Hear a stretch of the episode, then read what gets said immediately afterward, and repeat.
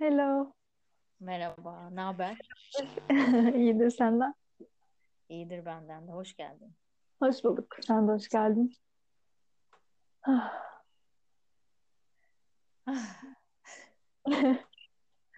Şimdi e, bu bizim ilk, ilk podcast'imiz. Ben bir açılış yapayım, böyle bir başlayayım. E, bir şeyler söyleyelim. Ne yapacağız, ne edeceğiz, niye podcast, niye kayıt alıyoruz şu anda diye. E, Elif'le beraber böyle podcast'ler kaydetmeye e, karar verdik. Podcast kaydedelim dedik. Halihazırda ım, çok fazla sohbet ediyoruz. Birçok konuda uzun uzun sohbetler ediyoruz. Böyle konuşacak, dökülecek çok fazla şey var eteklerimizde. O yüzden Elif böyle bir fikirle geldi. Ben de direkt atladım olur dedim. Ee, o yüzden şu anda böyle bir başlangıç ilk adım olarak podcast kaydetmeye karar verdik. Biraz akışta bir podcast olacak. Bakalım neler gelecek, neler akacak. Evet, sen de bir şey söylemek istersen Elif. Aynen. Yani şöyle aslında ben bu fikirle Şeyma'ya geldiğimde biraz daha tabii ki böyle plan program yapalım. İşte hangi gün buluşacağız, saatini belirleyelim falan diye geldim. Şeyma da biraz daha işte bakalım, akışa bırakalım her zaman gibi olur falan dedi. İki tane böyle birbiriyle çatışan gibi görünen ama aslında beraber de nasıl olabilir diye düşündüğümüz fikir çıktı ortaya. Sonuçta ne oldu? Sonuçta şöyle oldu. Plan program çok fazla yapmadan ikimizin de uygun olduğu bir günde e, çok aşırı da konu belirlemeden, çok böyle sıkı kurallara bağlı olmadan bir şey yapalım dedik. Bence de aslında benim de içime böylesi daha çok sindi. Ki ben plan program ve sınırlarımı bilmeyi çok seviyorum. Disiplin çok seviyorum. Ama biraz da işte buna izin vermek e, nasıl olur acaba diye. Zaten ilk konuyu da böyle bir şeyler yapalım diye konuştuk. Biraz da kendi deneyimlerimizden bahsedeceğiz. Yani kendi deneyimimizde hangisi daha çok işe yarıyor? Kime daha iyi, nasıl geliyor hangisi vesaire. Evet. Ee, şey dedik yani e, benim o gün Elif bana bu teklifle geldiğinde böyle bir e, Elif şey dedi önce işte dediği gibi tamam hadi pro- program belirleyelim ne zaman yapalım ne zamanlar yapalım diye böyle bir hemen ajanda oluşturma e, fikriyle geldi. Ben böyle bir şey oldum. Ah falan böyle bir direnç, bir geri çekilme bende gerçekleşti. Gözüm korktu daha doğrusu. E, sonra oradaki orada direnç mi var yoksa e, yoksa ne denir ona Elif? Evet, direnç. Aynen direnç olduğunu fark ettim. Ee, sonra orada birazcık böyle bunun hakkında konuştuk. Şu an gelmiyor bana bir şey. Sen devam etmek ister misin? Yani ben de işte birkaç şey uyandı. Mesela orada e, ben sınırlarını bildiğimiz zaman, sınırlarımızı nerede oynadığımızı bildiğimiz zaman daha rahat oyun alanımız olduğunu işte düşündüğüm Hı. için aslında plan program seviyorum bir yandan. Yani işte bir saatimiz olsun 6 ile 7 arası buluşacaksak ben her şeyi ona göre ayarlayayım. 6'da tam orada olayım istiyorum.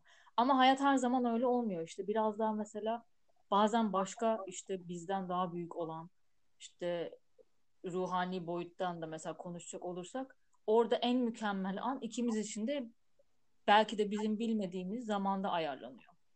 Yani evet. bugün mesela bizim ikimiz için de belki en mükemmel andı. Bunu planlayıp programlayamazdık. Biraz daha aslında şeye açık olmak yani kendini teslim etmek ona. Ee, senden daha büyük bir, bir şeye, bir düzene, sisteme olan Hı. şeye. Spirit'e, ruha yani kendini bırakmak ve onun senin için en iyi olacağına güvenmek. Belki de benim buna ihtiyacım vardı. Belki bazen de plana programa ihtiyacım var ki e, bir şey üretmek için disipline olabileyim. Ama o disiplinin arasında da bazen çok fazla diretmeyip yani senin için çok uygun olmayan bir şeyde diretmeyip bazen de gerçekten bırakmak yani kendini. Hani tamam bana gelsin. Ben olduğum yerde kendi işimle ilgileniyor olayım. Ama bana gelsin. Yani aslında tevekkül dediğimiz şey. Yani ben elimden geleni yapayım çalışma kendi elimde olan şeyleri yapayım. Ama bir yandan da da gelecek olana teslim olayım. Sonuç beklentim olmasın yani. Sonuç beklentisi olmadan yapayım koyayım. Şu anda yaptığımız şey aslında. biz ne olacağını, ne çıkacağını bilmeden konuşmaya başlıyoruz. Ağzımızdan çıkacak kelimeleri bazen o sırada belirleniyor. Hiç planlamadığımız şeyler çıkıyor. Biz de öğreniyoruz aslında kendimizden. Çünkü kendimizden daha yüksek bir şeye, işte yüksek benliğine, ruha, spirite, ona bağlandığın zaman sen de bilmediğin şeyler dökülüyor ağzından ve sonra kendimizden de öğreniyoruz. Akışta olmak aslında biraz da bu demek ben. Evet çok güzel değil mi? Yani şey o gün e, böyle korkmuştum. Sen okey dedin direkt atladım. Yapalım dedim.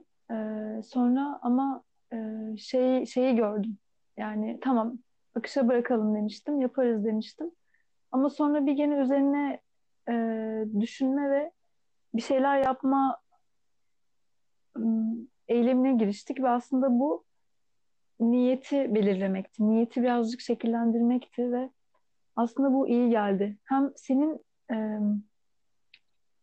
istediğin ve senin o e, alışık olduğun işte ya da aslında sadece senin değil.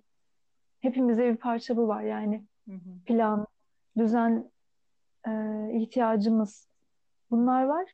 Ama yani hem plan yaptık, bir düzen de kurduk, bir niyet attık, niyet ettik, bir adım attık. Ee, onun ateşini yaktık hem de e, hep o artık bir kafamızda arka planda e, bunun sayesinde yani çünkü yapacağız dedik ve buna karar verdik, niyet ettik. O arka planda e, durdu ve çalışmaya devam etti ve aynı zamanda akışta kalmayı da akışta kalmaya da niyet ettik. Yani onun kendi vaktinin gelmesini de bekledik ve e, kendi vakti gelince zaten işte ben sana yazdım bugün. Sen de istedin. Sen de o anda müsaittin. E, eş zamanlılıkla beraber ikimiz de okeydik ve başladık. Bakalım ne olacak bilmiyorum. Çok anlatmayı sevdiğim bir hikaye var. Kendi deneyimimiz dedik. Anlatayım mı onu? Olur. Kısaca. Bunu bu aralar birkaç kişiye anlatmaya başladım ve aslında her anlattıkça daha çok hoşuma gidiyor eş zamanlılık deyince sen aklıma geldi. Ben bu ilk sinkronisite işte eş zamanlılık dediğimiz şeyi evren ve ben arasında nasıl işlediğini anlamaya başladığım zamanlar işte 2014 vesaire o civarda. Bu Az Seçilen Yol diye bir kitap var. Ben onu çok seviyorum. Onun üç tane diye hatırladığım bölümü var. Birincisi e, disiplin, ikincisi sevgi, üçüncüsü de din. Ben ilk iki kısmını okudum tabii bu disiplin sevgimden ve aslında disiplin olarak nasıl bir şeyler üretebileceğimizden falan yola çıkarak. O sırada da böyle bir yazma isteğim vardı. Onu nasıl disipline edebilirim diye orayı okudum. Çok sevdim. Aslında kendine olan sevginden gelir disiplin vesaire diyor. Sevgi kısmı da çok güzeldi. Onu da tamam okudum falan. Üçüncü kısmını hiç okumaya niyetim yoktu. Sonra metroda bir gün böyle kalırsın ya işte elimde hiç kitap yok, telefon çalışmıyor, insanların yüzüne bak bakayım vakit mi geçireyim yoksa kitap mı okuyayım derken o üçüncü kısmı hadi okuyayım dedim din kısmını. Ee, orada çok acayip bir cümle vardı. Diyor ki işte bu e, bazen hani açıklayamadığımız şeyler vardır ya işte bir araba kazasında burnu kanamadan çıkan insanlar vardır. Böyle işte hani tıpla falan açıklayamıyoruz. Bu da bizden daha büyük bir şey olduğunu işte gösteriyor gibi bir cümle vardı orada bir anekdot. Bunu okudum sonra bir iki gün içinde bir kadınla tanıştım. O böyle dönüp bana şey dedi böyle yavaşlar ya zaman o anlardan biri oldu böyle. Böyle göz göze geldik bana dedi ki benim kızım geçenlerde işte araba kazası geçirdi ve burnu kanamadan çıktı oradan dedi. Ben böyle kitaptaki cümleyi hatırladım ve aslında orada bana gelen bir şey anladım. Elif yani senden daha büyük işte bir şey var yani görünenin ardında bir şey var ve sen onun bir parçasısın diye böyle bir e, gelmişti bana ve o eş zamanlılık dediğimiz şeyi orada işte hani bu işte sana gelen rakamlar vesaire mesajlar anladığın şeyler idrak vesaire bunu o sırada böyle anlamaya başladım. Bu hikayeyi sana anlatmış mıydım daha önce? İlk kez anlatıyorsun. Vay sen de ilk defa dinliyorsun. Çok güzel. O işte mesela şu anda belki onu yapıyoruz yani. O eş zamanlılığı ikimiz bulduk birbirimizde.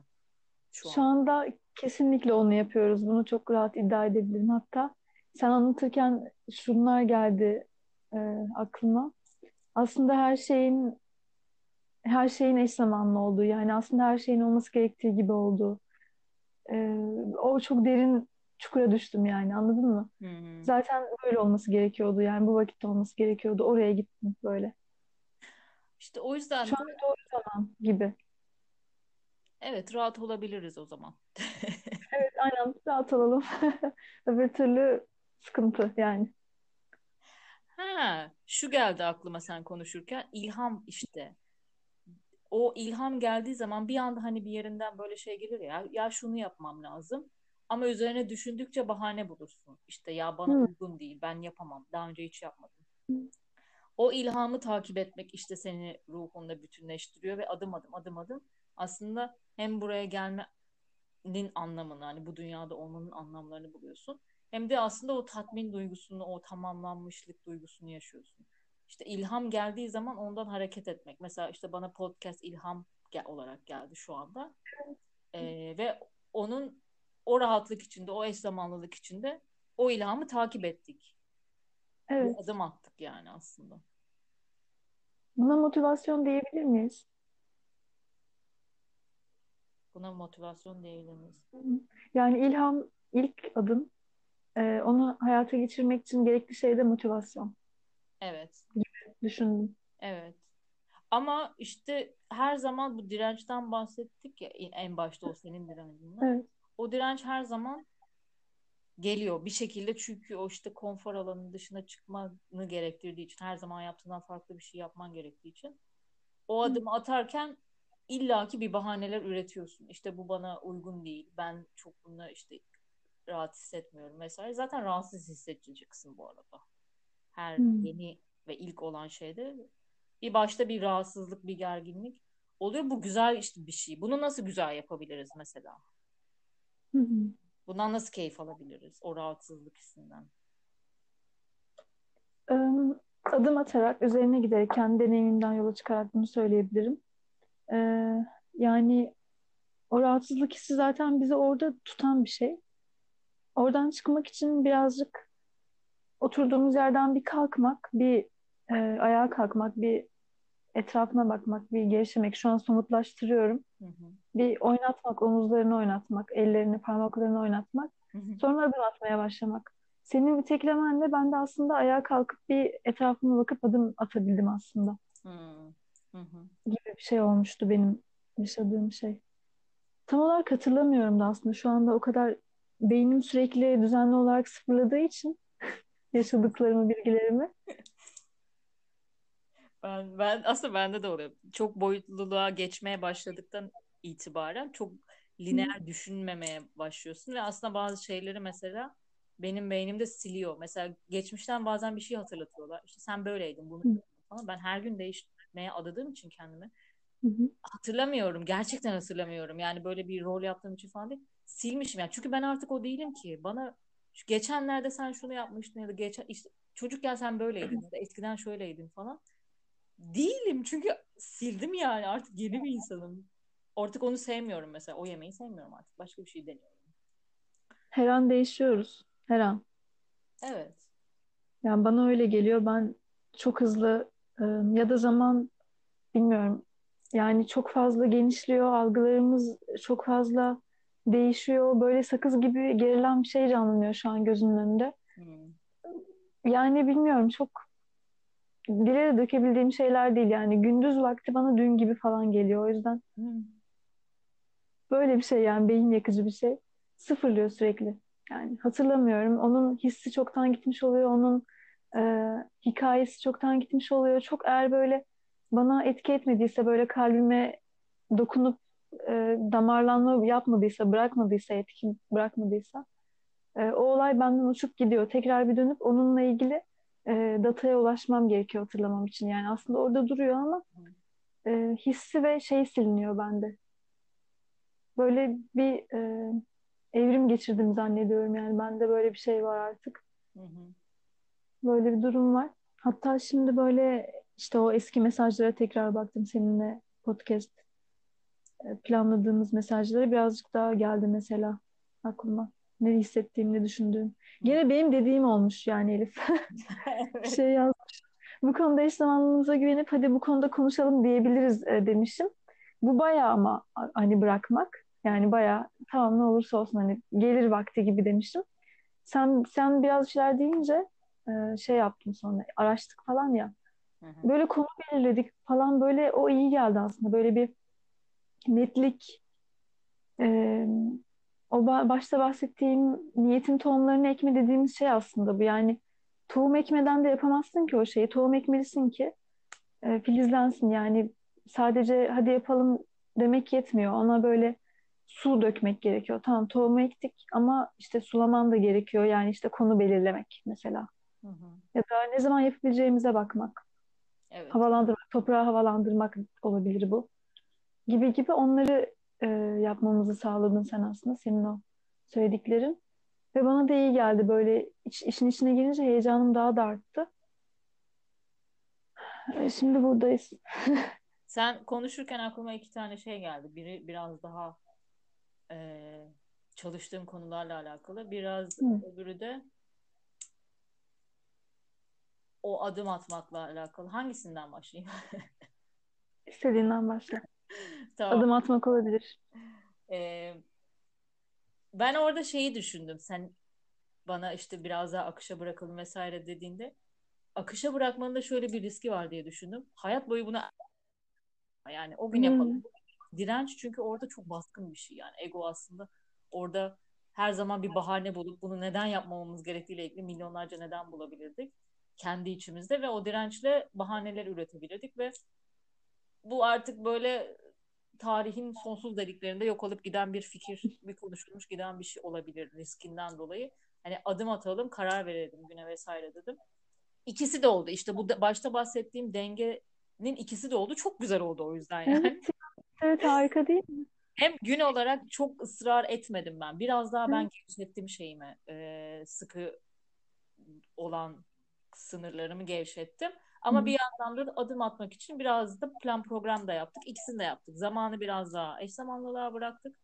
Şeyi, konuyu vesaire biraz baştan konuşup ama biraz da rahat da bıraktık. Hani hı, kendi aklımıza o sırada gelen bir şey akışta da konuşabiliriz. İlla konu bu diye bunu ısrar etmek zorunda değiliz. İkisini de yaptık ve en güzel sonuç bence böyle oldu zaten. Evet çok güzel değil mi? Harika. Bir Çok de güzel. öbür aklıma gelen de şuydu. Bu Akashi kayıtları vesaire geçmiş yaşamlar falandan aklıma bir şey geldi sen konuşurken çok ilginç. Hı, Orada dedin ya işte e, o dataya ulaşabiliyorum. hı, hı. O aslında bütün yaptığımız şeyler de ruhumuzda bir yerde kayıtlı yani bütün hayatlar.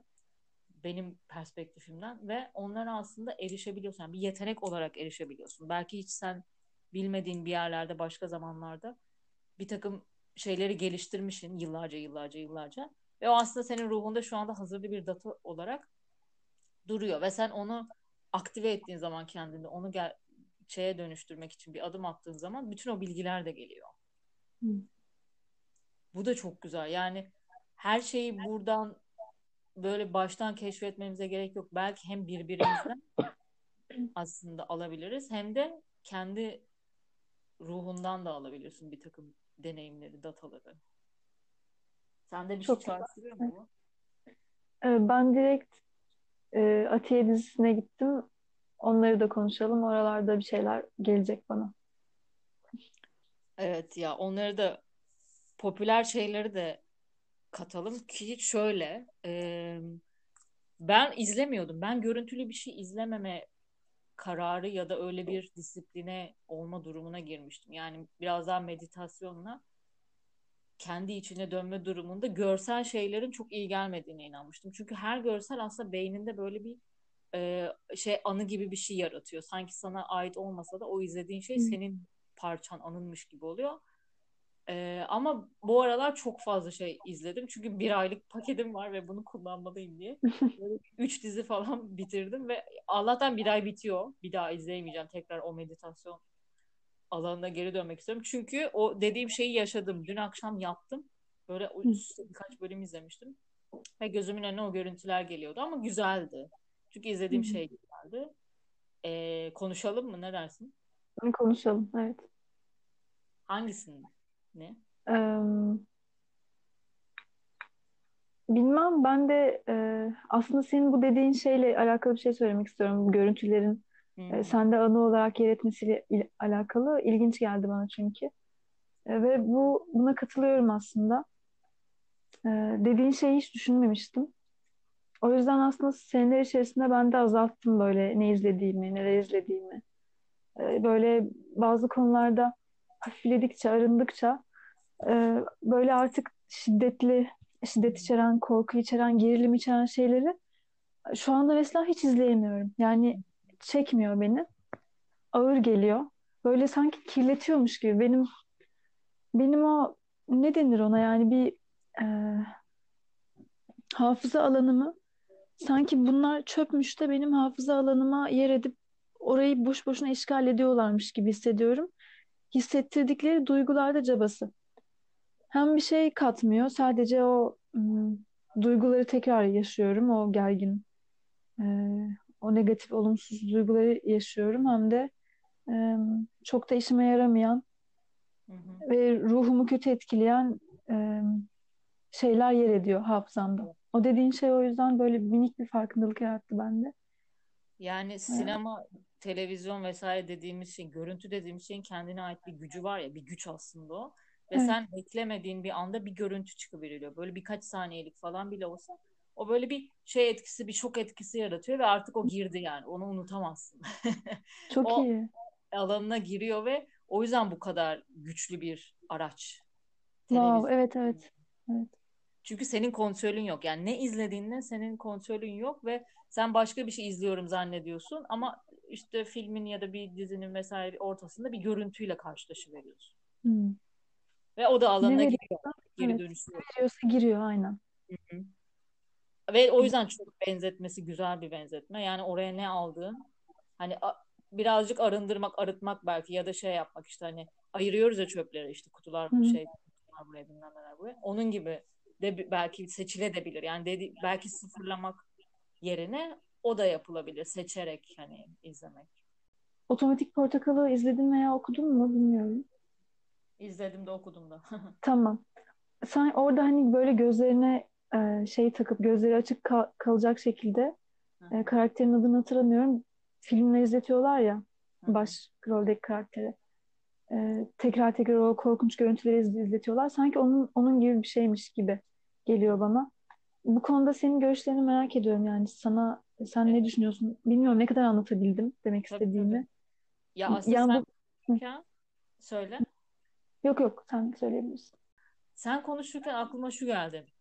İnsanlığın yani dünya üzerinde şu an yaşayan, yaşamış olan ve yaşayacak olan her nevi potansiyel deneyim bizim kolektif bilincimizde bir yerde var. Hı, Bu demin bahsettiğim aslında o ruhun deneyimlerinden bir deneyimi teknik data olarak kalması vesaire dediğim şey gibi ona benzer olarak bunu biraz daha yatay düşünüyorum. Ruhun dediğini daha dikey boyutlar olarak düşünüyorum.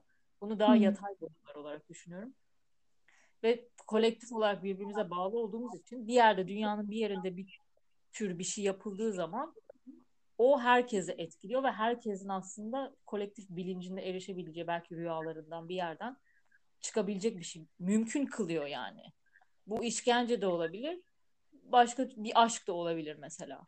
Yani orada yaşanan o deneyim diğer dünyanın başka bir yerinde yaşayan bir insan için öyle yaşanılabilir bir deneyimi mü- mümkün kılıyor. hı. Bu aslında biraz daha böyle işte o beyin yakan dediğim şey ufaktan giriyor oluyoruz. Sen konuşurken neden bu aklıma geldi?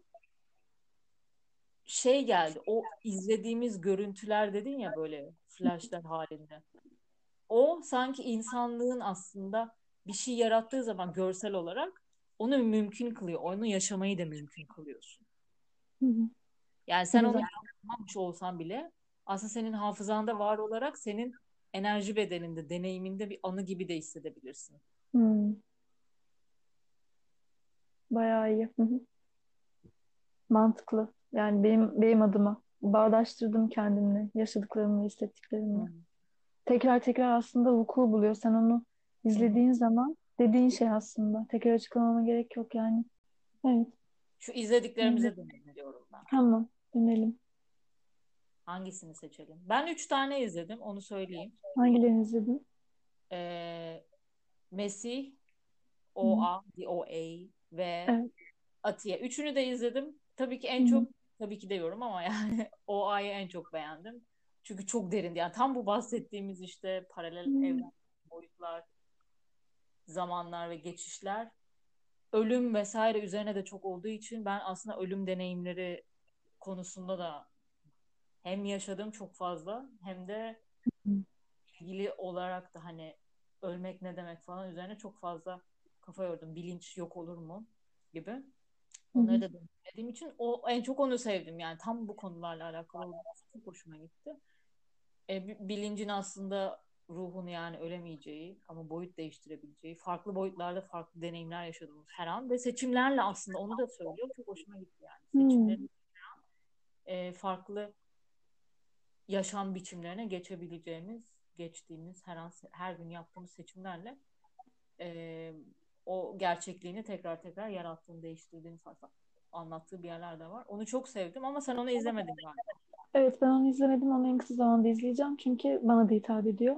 E, Mesih'i ve Ate'yi izledim. Seninle bu ikisi hakkında çok konuştuk zaten. O yüzden bence bunları bir irdeleyelim bakalım. Tamam.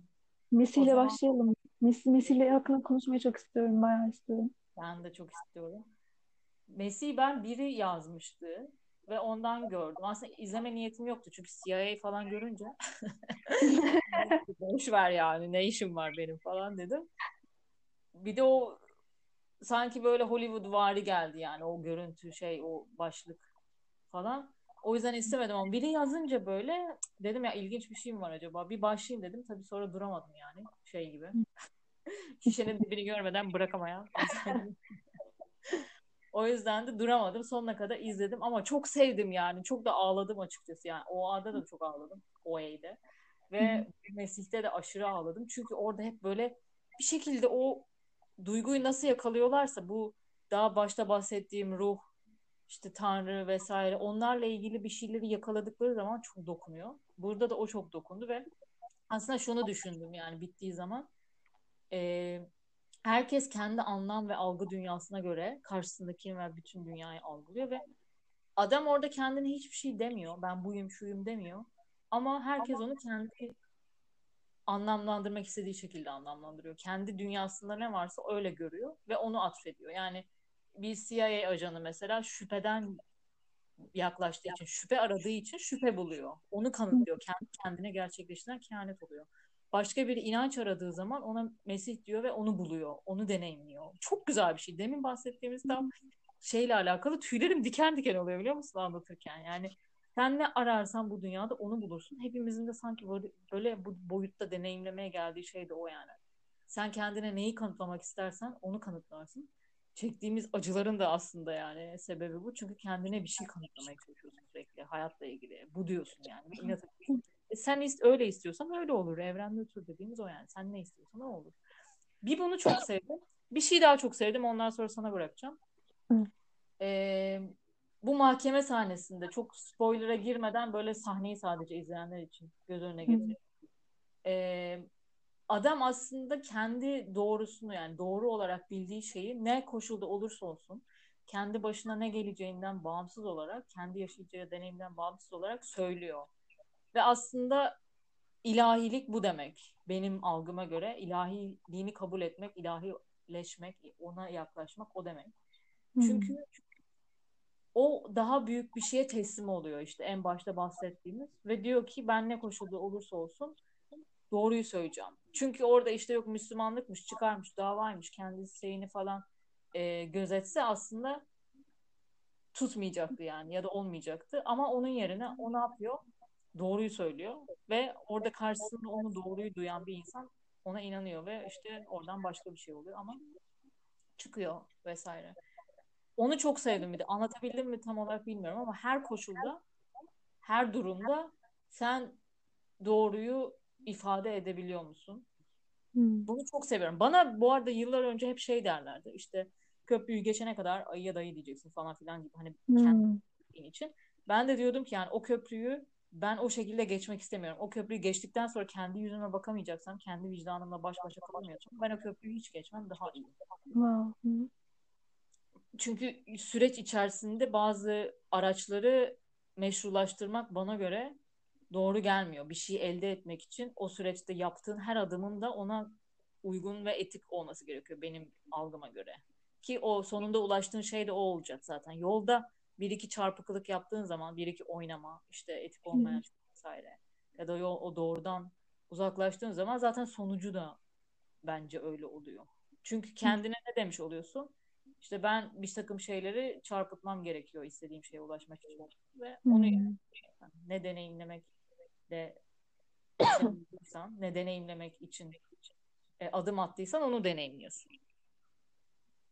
Güzel. Sen ne diyorsun? Ben e, dizinin dizinin kurgusu ve e, olay örgüsü hakkında biraz konuşmak isterim.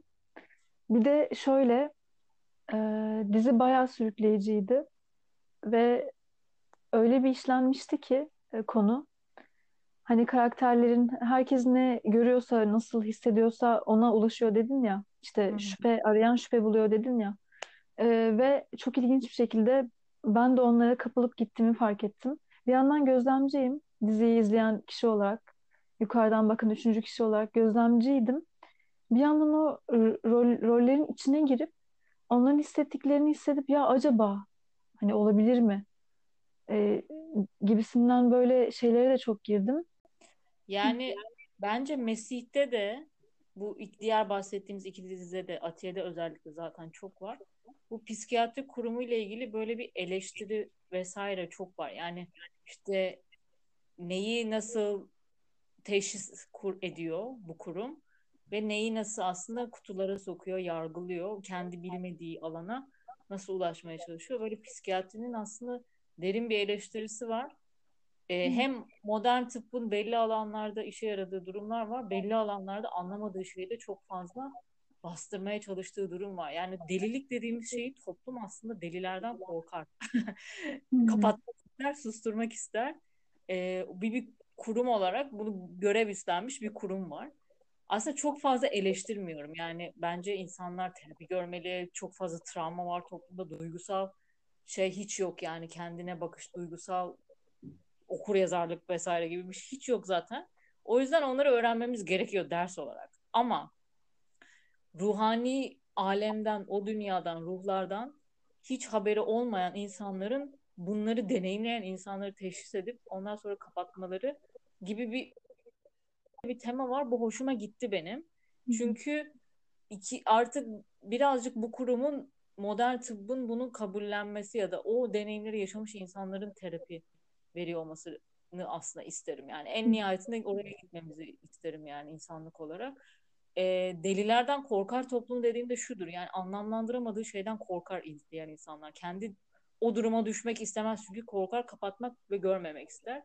Susturmak ister. İşte Sovyet döneminde mesela şamanizmin yasaklanması vesaire, şamanların öldürülmesi gibi durumlar düşün.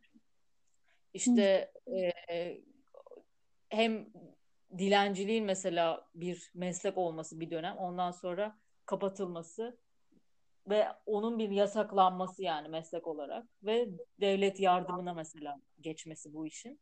Bütün bunları düşün yani ya da eskiden deli dediğimiz tırnak içinde insanın yani deliliğin aslında o başka bağlantıları var. Ee, onun eskiden mesela köyde bir yerde daha baş, modern olmayan toplumlarda bir yerinin olması e, ve bir sözünün olması karşılığı modern do- durumda şehirlerde onun kapatılacak bir şey olarak görülüyor olması. Ben aslında Atiye'de de bunu söyledim. Atiye'de biraz karışıyor bence. Şimdi Atiye'ye geçersek. Hı. Şimdi ben zannettim ki başlarda kız bizim e, en başroldeki kız yani ruhlarla konuşuyor zannettim. Bir kısmı ruhlar, bir kısmı değil, bir kısmı gerçek ama deli olduğu gösterilmeye çalışıyor falan. Biraz bende o hatlar karıştı. Sevdim gene de diziyi. Hoşuma gitti. Böyle bir sorgulama kapısı açtığı için hoşuma gitti. Ama o kısmı biraz karıştırdım yani. Kızın hangi boyutla şeyi var falan. Oraları biraz gibi geldi bence. Çünkü ben farklı deneyimlediğim için onu. Yani kızı hem biraz aslında farklı deneyimler yaşıyor. Bazılarını yaşıyor ama yaşamadığı iddia ediliyor falan. Biraz çorba geldi orası.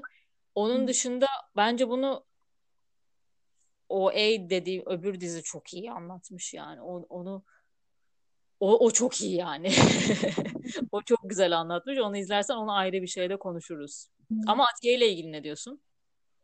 Atiye ile ilgili Atiye'de o kadar çok şey gördüm ki yani sana da yazdım hatta çok fazla arketip vardı. Hmm. Direkt Kurtlarla Koşan Kadınlar kitabındaki birçok arketip geldi benim aklıma izlerken. Çok fazla e, böyle katman katman kadın arketiplerini e, anlatmış. İşte, e, sana yazdığım mesajı arıyorum şu anda. Orada biraz yazmıştım. Hatırlamak için. E, saf dil kadın vardı. E, Atiye'nin kardeşi. Ama bir yandan o da aslında hmm, saf dil ama her şeyin farkında. O da artık bir yerde bir dönüm noktasına geldi ve o da patladı falan. E, dışarıdan neşeli e, falan görünüyordu ama yani gerçi burada çok fazla yani olayı anlatmamaya çalışayım, girmeyeyim şey olmasın diye. Aynen, aynen. Öldürülmesi gereken anne vardı. Yani arketip tam olarak bu muydu arketipin ismi tam hatırlamıyorum ama, ama e, Atiye'nin annesi Atiye'ye yaptığı şeyler onu e, yani Atiye, Atiye'nin deli ilan edilmesi bir şeyler görüyor. Bu onun gerçekliği yani. Bir şeyleri görüyor ve bu onun gerçekliği. Bu, bu yalan veya hayal değil aslında. Dünyanın, bilimin e, psikolojiye bakışı, ruha bakışı, insan ruhuna bakışıyla alakalı çok fazla ipucu verdi. E, ateğe dair olan bakışlar. Evet. Aslında evet. deneyim dediğimiz şey yanlışlanamaz. Yani herkes kendi deneyimini yaşıyor ve o deneyim herkes için gerçek. Dolayısıyla aslında o hikaye, diğer insanın hikayesine ancak dahil olabiliriz. Hepimiz birbirimizin hikayesini rol oynuyoruz ya. Ana karakter ben ama benim ana karakterim benim bu hikayede ve diğer insanlar o diğer rolleri oynuyorlar. Senin hikayende de aynı şey geçerli. Burada ikimiz birbirimizin hikayesinde bir rol oynuyoruz mesela şu anda bunu yaparken de. O yüzden deneyim yanlışlanamaz. Burada bunu güzel veriyor. Ama e, ben Atiye'de bir tane şeyi çok sevdim. O tabii ki benim kendi hikayeme benzediği için. O da iki kız kardeş rolündeki o şeyi güzel açıklamış. Yani hafta bulunurken biraz spoiler'a gireceğim burada uyarayım baştan. Diyor ya işte başka bir çocuk getirdiğiniz için kendimi yetersiz hissettim diyor. Yani burada abla kardeş ilişkisinde benim de ablam var bir tane ve çok iyi anladım orada şeyi. Ee, büyük ablanın hissettiği durumu, onun psikolojisini iyi anladım. Çünkü ben küçük kardeş olduğum için ben hep kendi bakış açımı biliyorum. Hı. Büyük olanı o, hislerini daha iyi anladım. Yani o ikinci çocuk getiriyorlar eve. Aslında bu abla abi büyük olanın onu hissetmesini şu anda anlaşılabilir buldum. Neden öyle hissettiğini anlaşılabilir buldum. Kardeş arasındaki bu rekabet hem sevgi hem kıskançlık vesaire ee, şeyi de düşündüm. Onun yeterli aslında olduğunu kabul etmesi gerektiğini düşündüm ve bir şekilde şeyi de şimdi küçük çocuklarda gözlemliyorum. Mesela küçük kardeşi var kendisi 5-6 yaşında bebekle herkes ilgilenir ya eve gelen. Büyükle biraz daha alışılmış olduğu için kimse onunla ilgilenmez. Tabii orada da yetersiz hissediyor kendini. Aslında oralarını sevdim. Bir de ben hep pozitiflerini gördüm dizinin. Hani işte oyunculuk vesaire falan. Onlara çok takılmıyorum ama hep böyle güzel bir kaptırdığım böyle duygusal yine böyle gözlerimin dolduğu ağladığım yerler oldu. O yüzden beğendim onu. Bir de sen arketip demişken bu podcast ile ilgili bir arketip kartı çektim başlamadan. Onu söyleyip öyle bitirelim mi? Ya da ben hani söyleyeceklerimi öyle bitireyim mi? Hı hı. Sen de sonra kapatabilirsin kendi şeyinle. Bitirdiklerinle. Şimdi bu podcast için podcast için çektiğim kart arketip kartlarından seçtim. Carolyn Myson. Ee, o visionary kartı seçtim. Vizyon sahibi gibi. Onun daha ışık yönlerinden bahsederken diyor ki e, bir vizyonu vizyona sahip çıkma istekliliği kendi kişisel çıkarlarından bağımsız olarak diyor. Onun gölge tarafları ile ilgili her güzel şeyin olduğu gibi gölge tarafları da var her şeyin. Gölgede de şey diyor, kendi vizyonunu kabul edilebilir kılmak için o vizyondan feragat etmek. Yani onu şeklini bozmak, dönüştürmek, değiştirmek. Bu aslında başta bahsettiğim daha önce e, köprüyü geçene kadar işte lafına benziyor. Hmm. O gölge tarafı da o. Yani onu kabul edilebilir kılmak için orasını burasını diğer senin aslında izleyici olarak düşündüğün kitleye göre değiştirmek. Bu hmm. da gölge yanı. O yüzden onu paylaşıp bitirmek istedim. Bu müthiş bir başlangıç kartı. Yani e, gerçekten çok cuk oturdu. Çok güzel geldi bence. Güzel bir mesaj oldu bizim için. Hı hı. Teşekkür ediyorum. Güzel oldu bence. Bye bye.